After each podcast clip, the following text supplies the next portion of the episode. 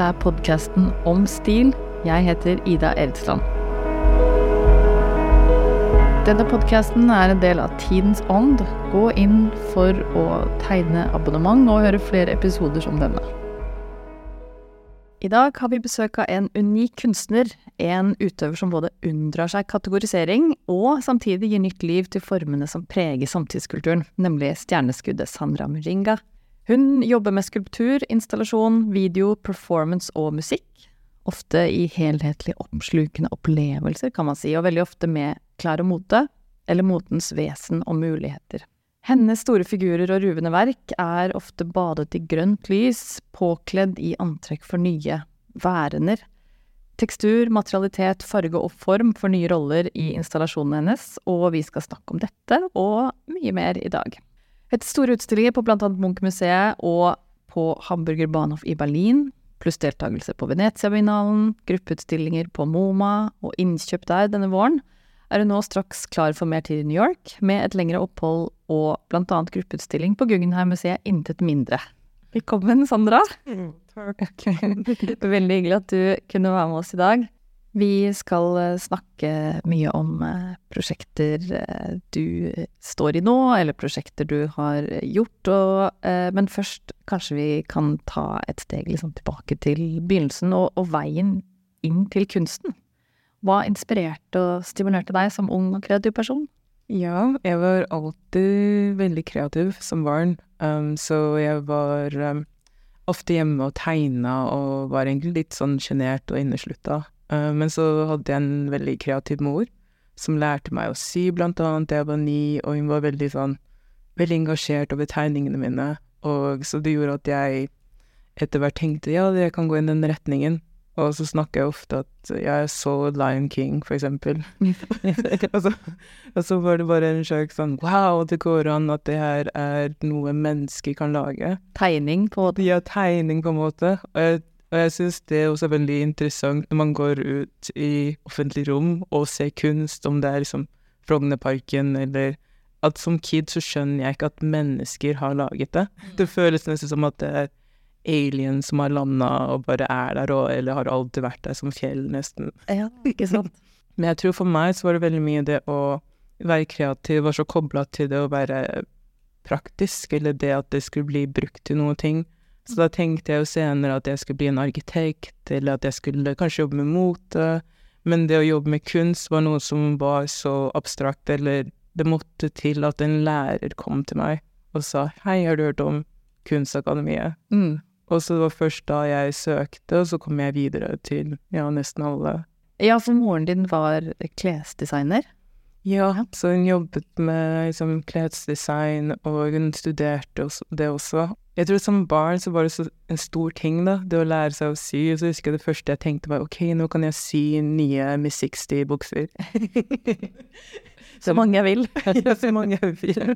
Og det er veldig sånn og det er også interessant, da, fordi allerede da så begynner jeg å tenke ok, kanskje eh, får jeg det ikke, eller vi har ikke råd til det, eller Men jeg kan lage det selv, da. Så det var en, slags, ja, en sånn sakte oppbygging til å tenke rundt det å skape ting selv, eller Og vi snakket sammen litt tidligere, og du fortalte oss at du hadde Altså, du er tidligere moteblogger, til og med? Ja, det var det, det Ja, jeg var en av de som hadde mine blogspots. Ja. Men altså, ja, ikke sant, denne, denne litt sånn eh, gjør det selv-kulturen, eller det, det, impulsen til å gjøre ting, da. Ja, det er det, og det å på en måte Som jeg også tenker rundt med kunsten også, det å skape den verden man vil se selv. Mm. Um, og skape det bordet, da, enn å vente på en invitasjon nødvendigvis. Ja. Mm. Som barn så var jeg veldig også påvirket av musikken jeg vokste opp med. Um, så moren vår spilte jo all mulig type sånn, forskjellige sjangere. Jeg var inspirert av blant annet Tracy Chapman, for eksempel, som jeg vokste opp med, fordi jeg husker at første gangen jeg hørte at hun faktisk At det var en kvinne, og det var, at det var veldig sånn fascinerende for meg, det som var maskulint og feminint. Og det er noe som også kommer igjen og igjen senere, og så husker jeg også da jeg så George Michaels uh, musikkvideo 'Freedom'. og det var bare sånn wow, mind-blowing. Uh, og det var ikke bare programmodellen, men det var bare liksom hele den verden, da, som ja, nettopp det å bevege seg mellom det maskuline og feminine og Mm. Og der er det et samspill også kanskje med mote og musikk og Mm. det estetiske og eh, videoer og mye som, som etter hvert går igjen i arbeidene dine. Å bli klesdesigner var aldri et alternativ, egentlig. Ja, eller det var jo Jeg tenkte på det første gang jeg reiste til London med klassen på en av graden. Um, så var jeg sånn der Wow, St. Martins, og helt klart så elsket jeg jo hele britiske scenen, om det er Vivian Westwood, Alexander McQueen har jeg alltid vært så obsessed med veldig lenge. Men jeg tror for meg så var det den derre OK, um, jeg syns hele på en måte industrien virka litt brutalt, da. Spesielt da så var det også ikke så Hei, alle er velkommen, diversity, alle kropper, la, la, la, som det er akkurat nå.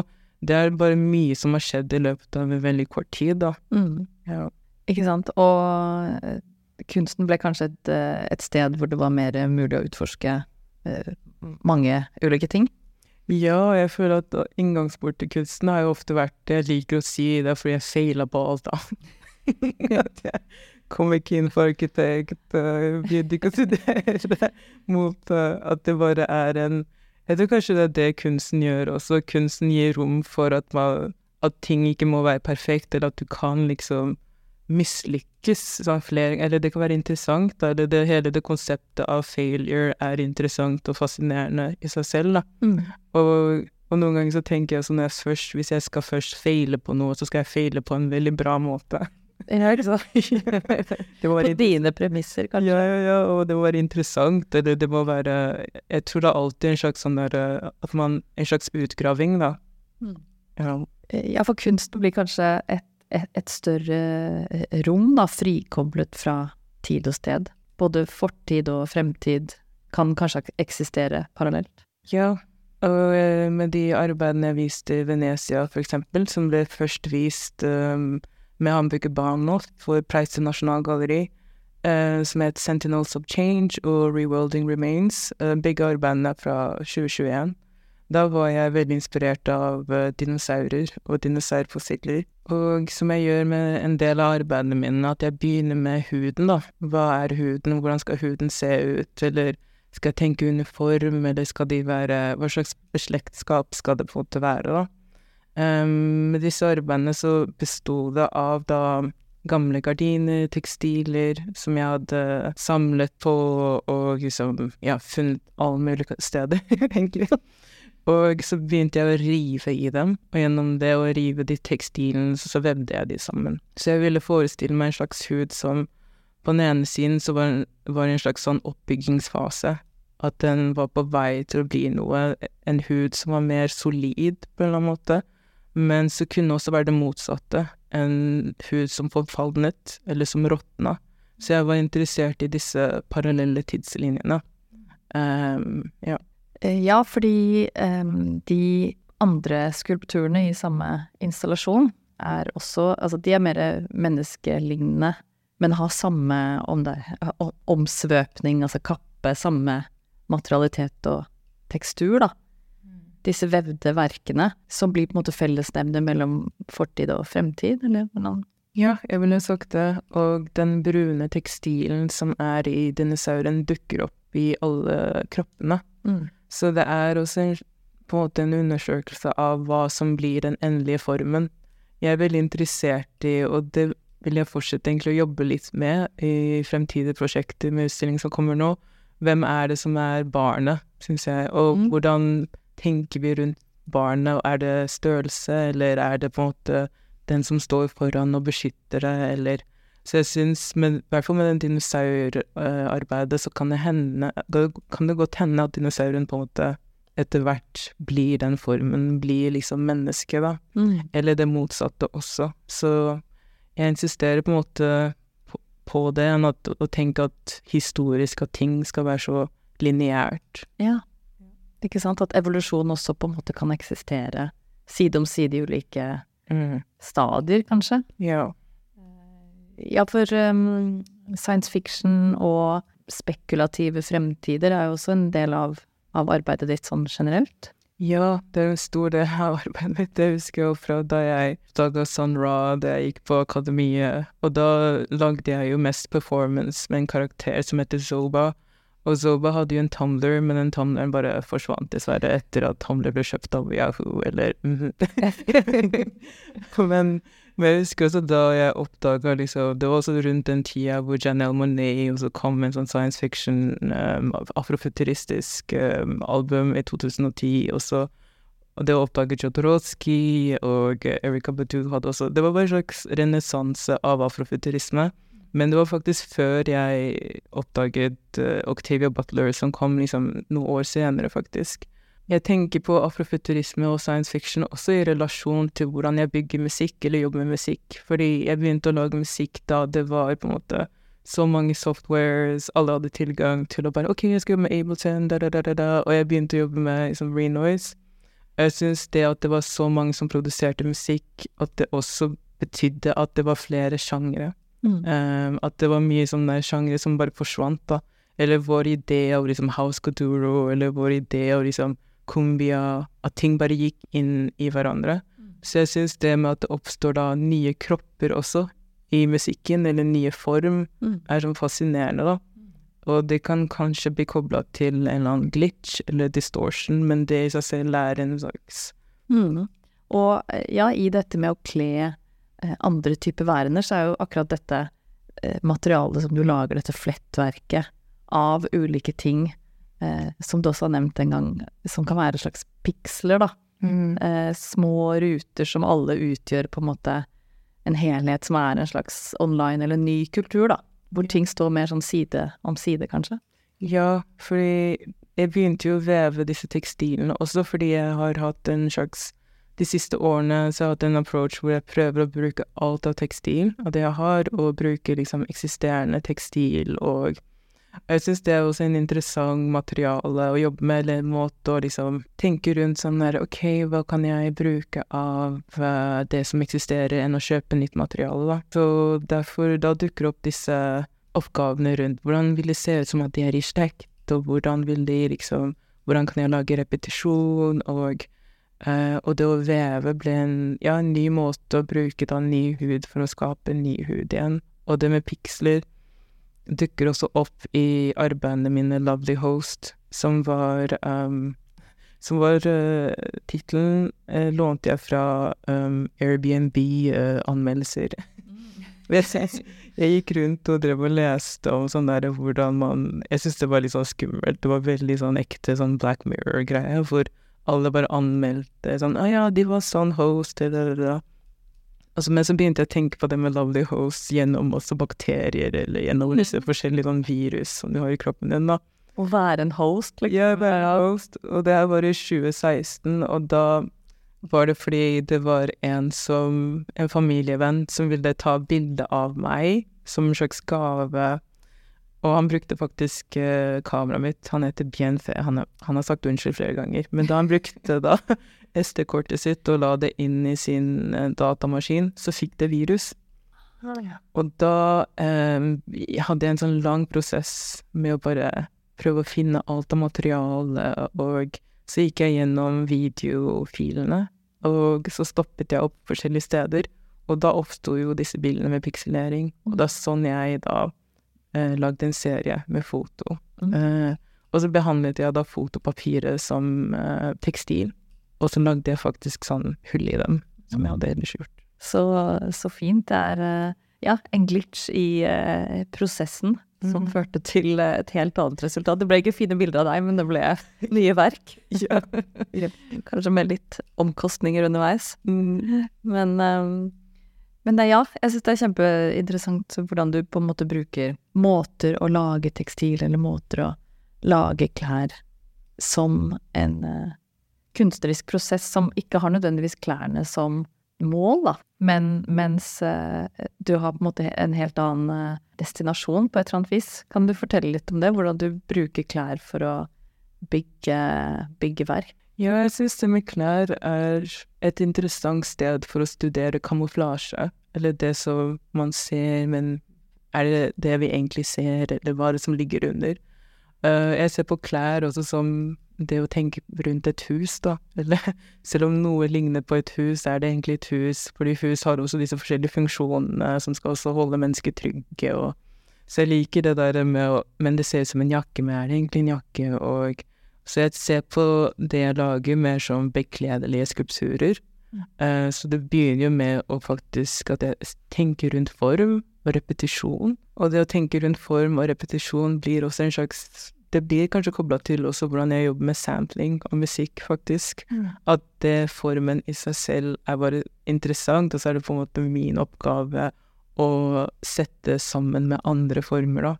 Uh, så faktisk, når jeg lager de mine be bekledelige skulpturer, så jobber jeg liksom delvis sånn der Akkurat som i, i går snakket jeg med assistentene mine. Jeg var sånn Lag én meter, én meter gang én meter om gangen. Mm. Og så setter vi det sammen. Uh, enn at vi skal tenke 'Å, nå skal vi lage en jakke'. Ja, sant. noe annet, ikke sant. Så det blir liksom at man har deler her og der, og så skal man lage noe. Og så blir det en måte å gi tekstilen en slags agens, da. Uh, ja, for du har jobbet med dette motivet en del ganger. Um, med tre meter høye skulpturer med uh, antrekk, kan man nesten si, som, uh, som, av en annen verden. Eller det er kanskje litt tanken. Kan du uh, fortelle litt om ja, ideene som ligger bak de ferdige, på en måte, skulpturene sånn sett, da? Ja, det er vel de arbeidene som kanskje de fleste kjenner meg igjen, eller mm. tenker ja, det er Sandra Virginga, kanskje. Men um, det begynte jo med installasjonen Nocturnal Kinship uh, fra 2018, som er faktisk en del av samlingen til Nasjonalmuseet. Um, så, men Nocturnal Kinship begynte faktisk som en performance. Og det var da inspirert av en gruppe med elefanter i Kenya som man, eh, forskere hadde fulgt, da, som etter hvert begynte å bli mer og mer nattdyr. Jeg var interessert i at elefantene da overlevde da mest i natta, da, eller i mørket. Mm. Eh, og så tenkte jeg ja, kanskje det kan være noe en kan bruke for som agens, da. Det å eksistere i mørket, eller det å lære seg å være i mørket. Um, så da lagde jeg da disse lange jakker og lange bukser og lange bodysuits, og så jobbet jeg med um, tre modeller. Og grunnen til at jeg egentlig lagde disse lange buksene, og det var fordi jeg ville at de skulle bevege seg sakte. Så det var også veldig inspirert av rundt sånn Jeg har jo også tenkt en del på koreografi sånn fra 60-tallet, New York, eller hvordan man også begynte å bruke fra Merce Cunningham, eller hvordan man bruker liksom tekstil som en måte å lage koreografi på. Um, så da tenkte jeg ok, jeg skal bruke Gjennom å ha disse lange ben og armer, så klarer ikke de De ville bevege seg sakte. Og så begynte jeg etter hvert å tenke wow, jeg kan Jeg vil lage en kleshenger hvordan hadde en kleshenger for dette sett ut? Og det beveget seg mer og mer mot det å lage dukke eller mannequin. Og etter hvert så ble det jo faktisk, ja, de fikk sitt eget liv, da. Så det begynte faktisk med en slags tomrom. Jeg blir ofte inspirert av når du Bare det at du går til en leilighet som er forlatt. Du vet, når du ser at det er tekstil som bare er dekka til. Mm. Og så kan man tenke å, det er piano under, eller det er stoler, eller Men så etter hvert så begynner også du å forestille deg noe annet som kan være under det. Mm. Så jeg liker veldig godt det å tenke på det spøkelsesaktig, eller det tomrommet, at, den, at det er liksom klær som er igjen, for kroppen har jo dratt eller har forlatt det. Og det der, ja, det spøkelsesaktige dukker opp, på en måte. Ja, det er veldig interessant, for det er jo på en måte det som er igjen av en kropp etter de er borte, for eksempel, er jo veldig ofte klærne, eller eh, Men det å tenke det som du gjør eller som jeg opplever at du gjør litt i, i skulpturen, at i motsatt rekkefølge, da, at en, en skapning eller en being blir til gjennom klærne du lager for dem, på en måte. Mm. Det er veldig interessant. Ja, og så, tenk, så, tenker jeg også det med størrelse er også veldig interessant for meg, for jeg tror vi, vi tar utgangspunkt i menneskets størrelse. Så ofte så pleier jeg å si kanskje vi opplever dem som store her, men i deres verden så er de små som maur, eller at de, de, er ikke like store. Og så har jeg også en skulptur, Ghosting, uh, fra 2019, som er sånn åtte ganger syv meter eller noe. Og den er rød, og den er veldig sånn Nesten som en slags stor teltaktig, man kan gå under den. Men i den verden den kommer fra, så er den ikke så synlig som vi opplever som synlig. Så jeg liker også å bytte på det der med at vi ofte sentrerer liksom mennesket, da. Ja, mennesket og hvordan vi ser på ting og vår størrelse. Alt fra at vi også projiserer vårt utseende på så mye. Som for eksempel med en bil, så har bil to øyne istedenfor to lys. det er litt den derre også det med at vi gir empati, eller vi har mer empati for dyr som også har øyer der hvor vi tror øyet skal være, eller at vi kan liksom kjenne igjen disse, deres kroppslige trekk, da, eh, enn eksempel mikroorganismer som bare er så langt unna oss. Og det er også veldig fascinerende hvor vi gir empati, og hva som Når det blir skremmende, når vi ikke ser et ansikt, eksempel, som vi ser igjen i, med skulpturene mine, at ansiktene måte ikke er der. Mm. Ja. Og det gjør det mer, eh, ja, uh, ubestemmelige, da, i hvert mm. fall. Så, og, og, hva som kommer ut av møtet med det, på en måte. Jeg syns det er gøy å tenke på det som vi snakket om også tidligere, det der med at for meg så forestiller jeg meg ofte at det er La oss si hvis det var aliens, at de bare kom hit, og så kler de seg på en måte som de tror de er usynlige på.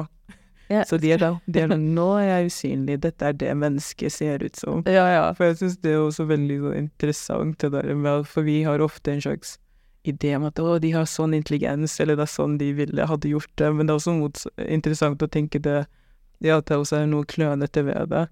Og det er jo inspirert av for eksempel Doctor Who og Daleks, for eksempel. De er mm. sånne skurker som Første gangen jeg så liksom reveal of the Daleks, jeg bare wow, de er jo Det er på en måte sånn blekkspruter liksom bare gjemmer seg bak sånn stå sånn beskyttelse, da. Så jeg syns det er også veldig og så ser de på en måte veldig De ser ut som støvsugere, da, som beveger på seg. og så skal det på en måte være truende. Ja, ja. Vi skal passe inn i, passe inn i menneskenes verden. Ja. Mm. Du har jo på mange måter Eller artikulerer jo litt sånn et språk om hvordan prøve å passe inn i worldbuilding, da, og skape verdener for seg selv, enten det er disse figurene som kommer fra et annet sted, eller en annen tid, potensielt. Ehm, kan du fortelle litt om hvordan dette med å skape verdener er viktig? Jo, jeg tror det er viktig på ja, Det er viktig i flere plan. Det er viktig å skape den verden du vil se. Eller sånn har jeg ofte vært utgangspunktet på meg. Um, ofte når vi tenker på liksom afrikanske historien, eller når man tenker på liksom, kolonialisme, så er det så mye som er så kobla til smerte smerte og tortur og jeg vet ikke det verste. Og jeg snakker jo også ut ifra at jeg er født i Kongo, og, og, det er ofte det som er den konteksten, da. Eh, det er så mye fokus på svart traume, da. Nå oversetter jeg direkte fra engelsk. Og for meg så tror jeg afrofuturisme har på en måte gitt en slags sånn inngangsport inn i å faktisk tenke på alternative verdener. Men ikke kun på den derre Å ja, um, hva kan man si Ikke kun gjennom Black Panther, holdt på å si. Eller at det er mer den der at, at man tenker alternativ verden gjennom at man tenker på andre modeller. Hvordan andre dyr eksempel er med hverandre, eller hvordan andre samfunn har eksistert med hverandre. At man kan liksom Ja, at man kan tillate seg selv å spekulere i noe annet. Og det å tenke rundt framtiden handler jo også om det å At ikke alle har tilgang til sin historie. Og jeg tror det er kanskje nå i senere alder hvor Spesielt når jeg mista foreldrene mine i tenårene, at jeg kan liksom nesten sørge over at så mye jeg ikke har tilgang til. Uh, om det er liksom oppskrift til liksom maten moren min lagde. Ikke alle som har den der ok, her kommer jeg fra, og de er mine besteforeldre, og det er min historie. Uh, og det med arkiv, og det å bygge et arkiv, er noe så verdifullt, men det er ikke alltid du har materiale til det. Og så tror jeg derfor også spekulativ fiksjon kommer inn, at man kan også spekulere i en framtid samtidig som man kontinuerlig graver i sin fortid, da. Jeg går ofte tilbake til sitatet med Claudia Rankin som snakker om det å police ens imagination, eller det å Eller hun sier noe i den døren because white men cannot please their imagination, black men are dying. Og det er også interessant i forhold til skulpturene mine også, dette aspektet med hva som er skummelt, eller hvorfor er visse kropper skumle, og hvorfor er visse kropper mer monstrøse enn andre. og hvem blir dehumanisert? Og det er så mye som ligger i på en måte forestillingsevnen, da. Eller det at når noen allerede har en forestilling av deg, om deg, og at det bygger på det, og ikke analyserer det, og som også selvfølgelig eksisterer i en slags kontekst, historisk kontekst av kolonialisme og rasisme, så kan det skape reell fare da, for så mange kropper som får disse projeksjonene på seg.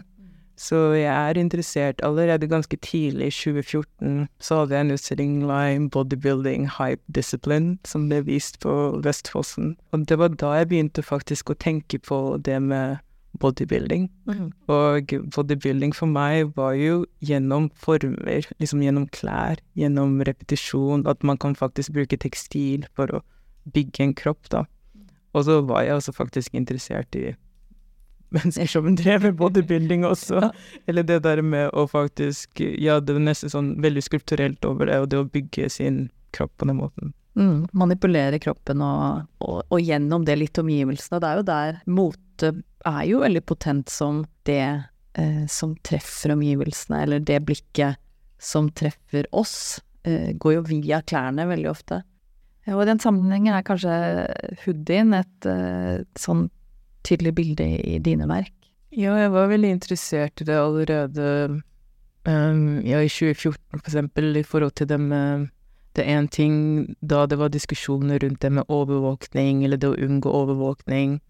Så viste det seg også for visse kropper, da, spesielt også unge svarte menn, det å kanskje ville gjemme deg, eller bare Kanskje du har en dårlig dag, eller du bare Hva enn det er for noe. At det kunne være livstruende, da. Så det med hoodies om det er også når man opplever det gjennom verket med David Hammond, for eksempel. Det skal på en måte gi en slags frihet for å kunne gjemme seg, men så kan det da i det øyeblikket um, gi en slags unnskyldning for ja, disse projeksjonene, mm. uh, for å farliggjøre en kropp, da. Jeg tror vi merket det på close hold, i nært hold med bare broren min, som går med en hoodie, for eksempel. I flere av arbeidene mine så tar jeg også utgangspunkt i hodet, da, så jeg jobbet en del med hoodies, og det viste jeg først En hoodie som et verk viste jeg først faktisk med utstilling på Vestposten. Og da var det faktisk en lyseblå hoodie som var på veggen. Og senere så begynte jeg å inkorporere det i liksom jakker eller det måte på form jeg hadde på seg. Og så har jeg etter hvert også begynt å tenke på det med hjelm og det med andre hodeplagg, um, som også forteller slags narrativ om kroppen, eller hva slags hvor de tilhører, eller hvem de beskytter seg mot, eller de hvordan de spiser.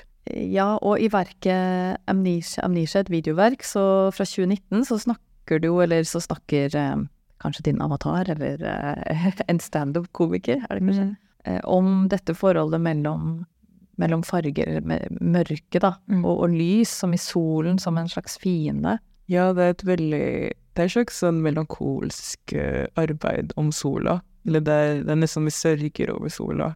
Over at sola blir mer og mer noe som At sola blir en slags brutal gud som driver og avslører seg mer og mer. Um, jeg tror det er også eh, Det er også en måte å tenke gjennom mørke huden og colorism, eller det og at jeg Jeg for eksempel har vokst opp med at folk bleker huden sin, eh, og jeg, husker moren min var veldig opptatt av at ikke blek huden din, så skjønte jeg på en måte ikke hva det var, men men nettopp det med hud og hvordan du er i verden, og hva du får, alt det der spiller en rolle. Så folk bleker jo huden også for å passe mer inn i en slags eurosentrisk ideal av skjønnhet, for eksempel.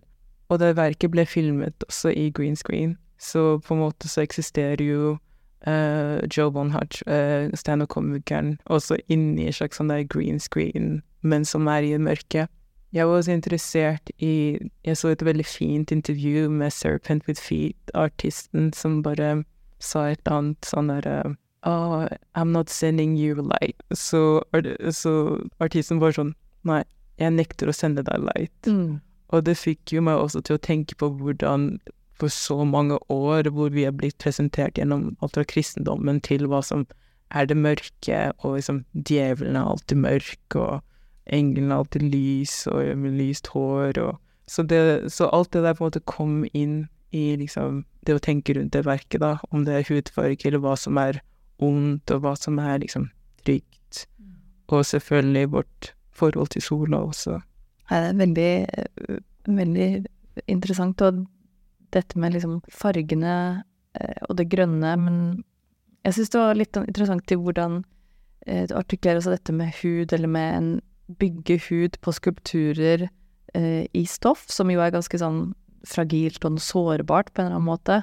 Eh, noen er veldig gjennomsiktige og tynne, noen er tjukkere, eh, mer sånn skinnaktige. Eller noen er flettet, helt til du kanskje også i, i verket eh, som ble vist i Berlin på Hamburger Bahnhof, heter jo verket I Build My Skin With Rocks. Da er det plutselig Det bare slo meg at da er det stein, på en måte. Da er det mm. en, en hardere materie, da. Er det på en måte en, en meditasjon du, du, har jobbet med? Ja, jeg tror ofte så tar jeg utgangspunkt i hud, fordi jeg syns det er det som blir Når jeg tenker rundt kamuflasje, eller det å gjemme seg Jeg var jo også veldig opptatt av for eksempel eh, militærdrakt og eh, hvordan før så var det mer sånn organisk sånn kamuflasjedrakt, versus nå så er det mer pikselert, fordi da handler det jo om blikket til dronene, eksempel. Mm. Så det med hvordan huden din også tilpasser seg blikket, syns jeg er interessant. Så jeg har hatt forskjellige sånn undersøkelser av hud, og fra at jeg tenker liksom på liksom brannmaneter, til også det å tenke på elefanthud som dukker opp om og om igjen. Og med Build My Skin With Rocks så var jo at Det begynte først med arbeidet i Closed Space Open World, som er jo uh, også et sitat som jeg refererer til Edvard Glissant, som er jo egentlig Closed Place Open Word. Så jeg bare drev og endra litt på de ordene, og det samme er det med build my skin with rocks, uh, hvor Glissant egentlig sier I build my language with rocks.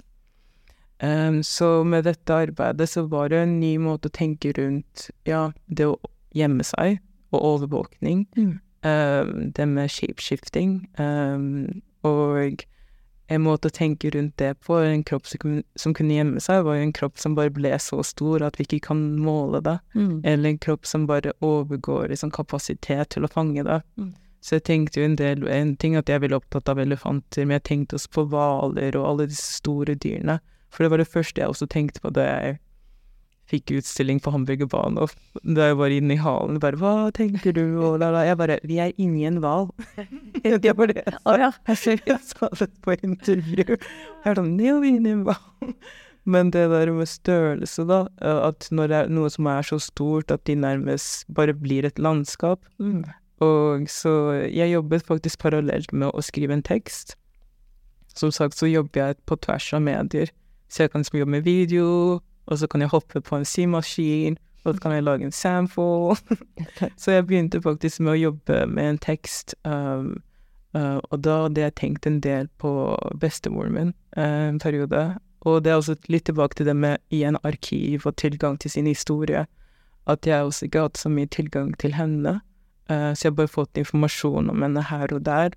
Så jeg begynte på en måte å tenke på henne, og samtidig som jeg tenkte på siste Den siste elefanten i verden, som hadde på en måte blitt mutert til å bli halvt menneske og, og halvt elefant, og hva betyr det på en måte å være den siste av din art, da?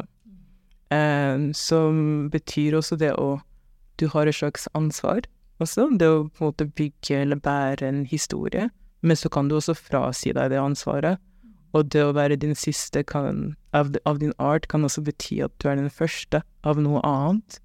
Så igjen tilbake til disse Er det starten, eller er det slutten, eller liksom disse på en måte forskjellige måter å tenke rundt det med tid og parallelle tidslinjer. For for meg, det å tenke rundt eksempel en apokalypse, er jo mer det at det er verden som viser seg, viser en ny form. Mhm. Eller at det er noe som på en måte er en slags gjentagende ting enn at det er en avslutning. Fordi jeg tror virkelig på spor, at det er så mye som etterlater spor. Og det er der også det spøkelsesaktige kommer inn igjen. Så det med rocks syns jeg var også veldig fint, fordi da er det Rocks er liksom flere elementer, da. Eller det at noe kan nesten bare falle av. Nesten en kropp, eller Så jeg begynte med å skrive henne, en karakter, da, eh, som en tekst, og etter hvert så begynte jeg da å jobbe med huden, som besto av liksom falsk skinn og ekte skinn. Og den huden ble en skulptur som heter Coco 2089, som ble vist med Kroy Nilsen i Basel. Uh, men selve arbeidet Build My Skin With Rocks ble jo en installasjon, men det var også en skulptur. Så det er jo igjen den på en måte aspektet av at det er en kropp som er flere ting, og jeg var også veldig inspirert av arkitektur, levende arkitektur, noe som på en måte var bare oppsto der. Så jeg, men det jeg tenkte rundt belysning, så tenkte jeg at det skulle være en slags sånn At det var en gjenglemt uh, møbel, nesten. At det var ikke akkurat sånn man belyser en skulptur, da. Jeg er interessert i arkitektur fordi jeg syns uh, Eller det derre når bygninger bare oppstår. En ting er jo måte makt eller diskusjoner rundt det, eller hvordan ting tar plass.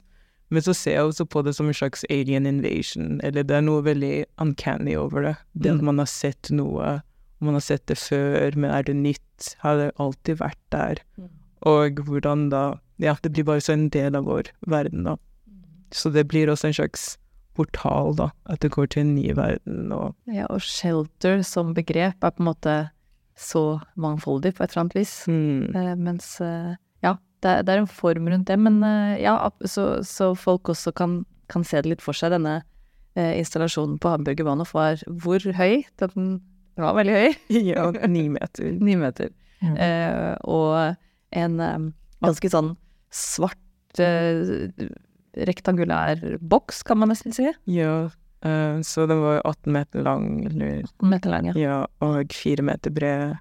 Ikke sant. Og så bare malt med sånn eggshell-maling. Det var veldig viktig. Fordi vi var, for hvis det var helt matt, så ville vi se fingeravtrykk. Og så besto det da av da LED-paneler, da. Så som også var veldig interessant, for det ble noe veldig magnetisk over det. Mm. Fordi det var ikke noe som reflekterte omgivelsene. Så det, mer, det ble slags At det ble, det ble sugd inn, da. Ja. Absorberte lyset, rett og slett, på en eller annen måte. Og så lagde jeg en soundtrack til det. Um, tilbake til det som er spøkelsesaktig. Jeg tror hvis en ser etter et slags narrativ, eller tenker rundt det med tid, da, så er det musikken. Eh, det er musikken som blir en slags sånn tidsmaskin, eller at det gir deg en slags sånn følelse av 'her står jeg', eller 'jeg er et eller annet sted i verden'. At mm. det er grounding, eller er en anchor, som jeg kaller det på engelsk. Uh, så jeg lagde en soundtrack, og det, og det, første jeg tenker på med soundtrack, er jo, er jo på en måte hjerte, hjerteslagene, da. Uh, så jeg har vært veldig interessert i å jobbe rundt 100 BPM, som på en måte ligner jo nærmere oss mennesker. Men så er jeg også veldig interessert på en måte hjert hjerteslagen til en hval, eller hvor ofte det slår, eller til et mindre dyr, for eksempel. Mm. Eh, så det var en slags repetisjon, at man nesten Ja, man hørte hjertet, og så bare kom man nærmere, og så kom det på en måte til en slags sånn climax, og det er jo kobla veldig mye til liksom tanker rundt det med apokalypse, eller det som Hvordan verden avslører seg selv. Så det blir en slags repetisjon av det. Ja, hva som uh ligger i det, men også hvordan det utvikler seg til et slags ytterpunkt, kanskje, da. Eller en evolusjon og blir noe annet på et eller annet tidspunkt. Det er um, veldig interessant å, å, å, høre om alle disse parallellene i det du jobber med. Det er liksom veldig spennende. Er det noe lytterne kan se, eh, bortsett fra selvfølgelig å gå på utstillingene dine? Ja, det går an.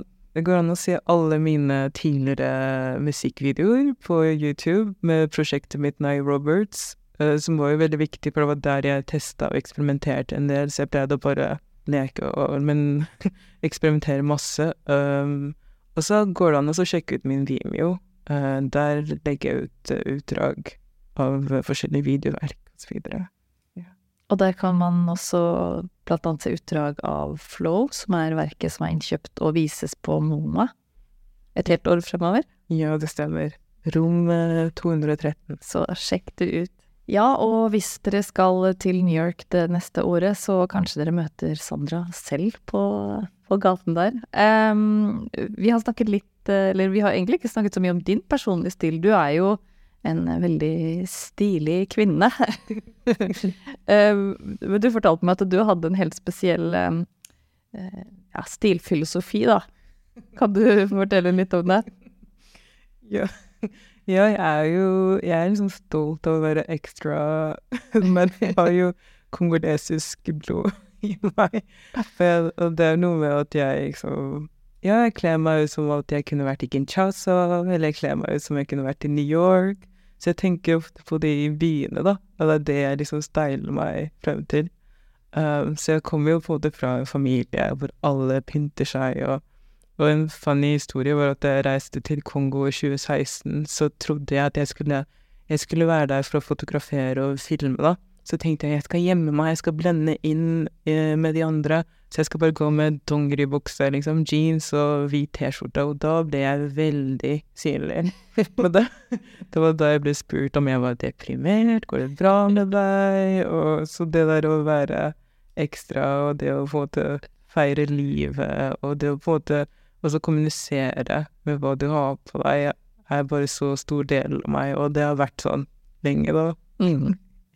Så nå, nå snart så, så blir eh, filosofien og, og virkeligheten eh, merget når du altså reiser til New York. Kanskje du må ha en ny eh, Kanskje det skaper behov for, eh, for noe nytt, da? Ja, kanskje det. Jeg må finne en ny by.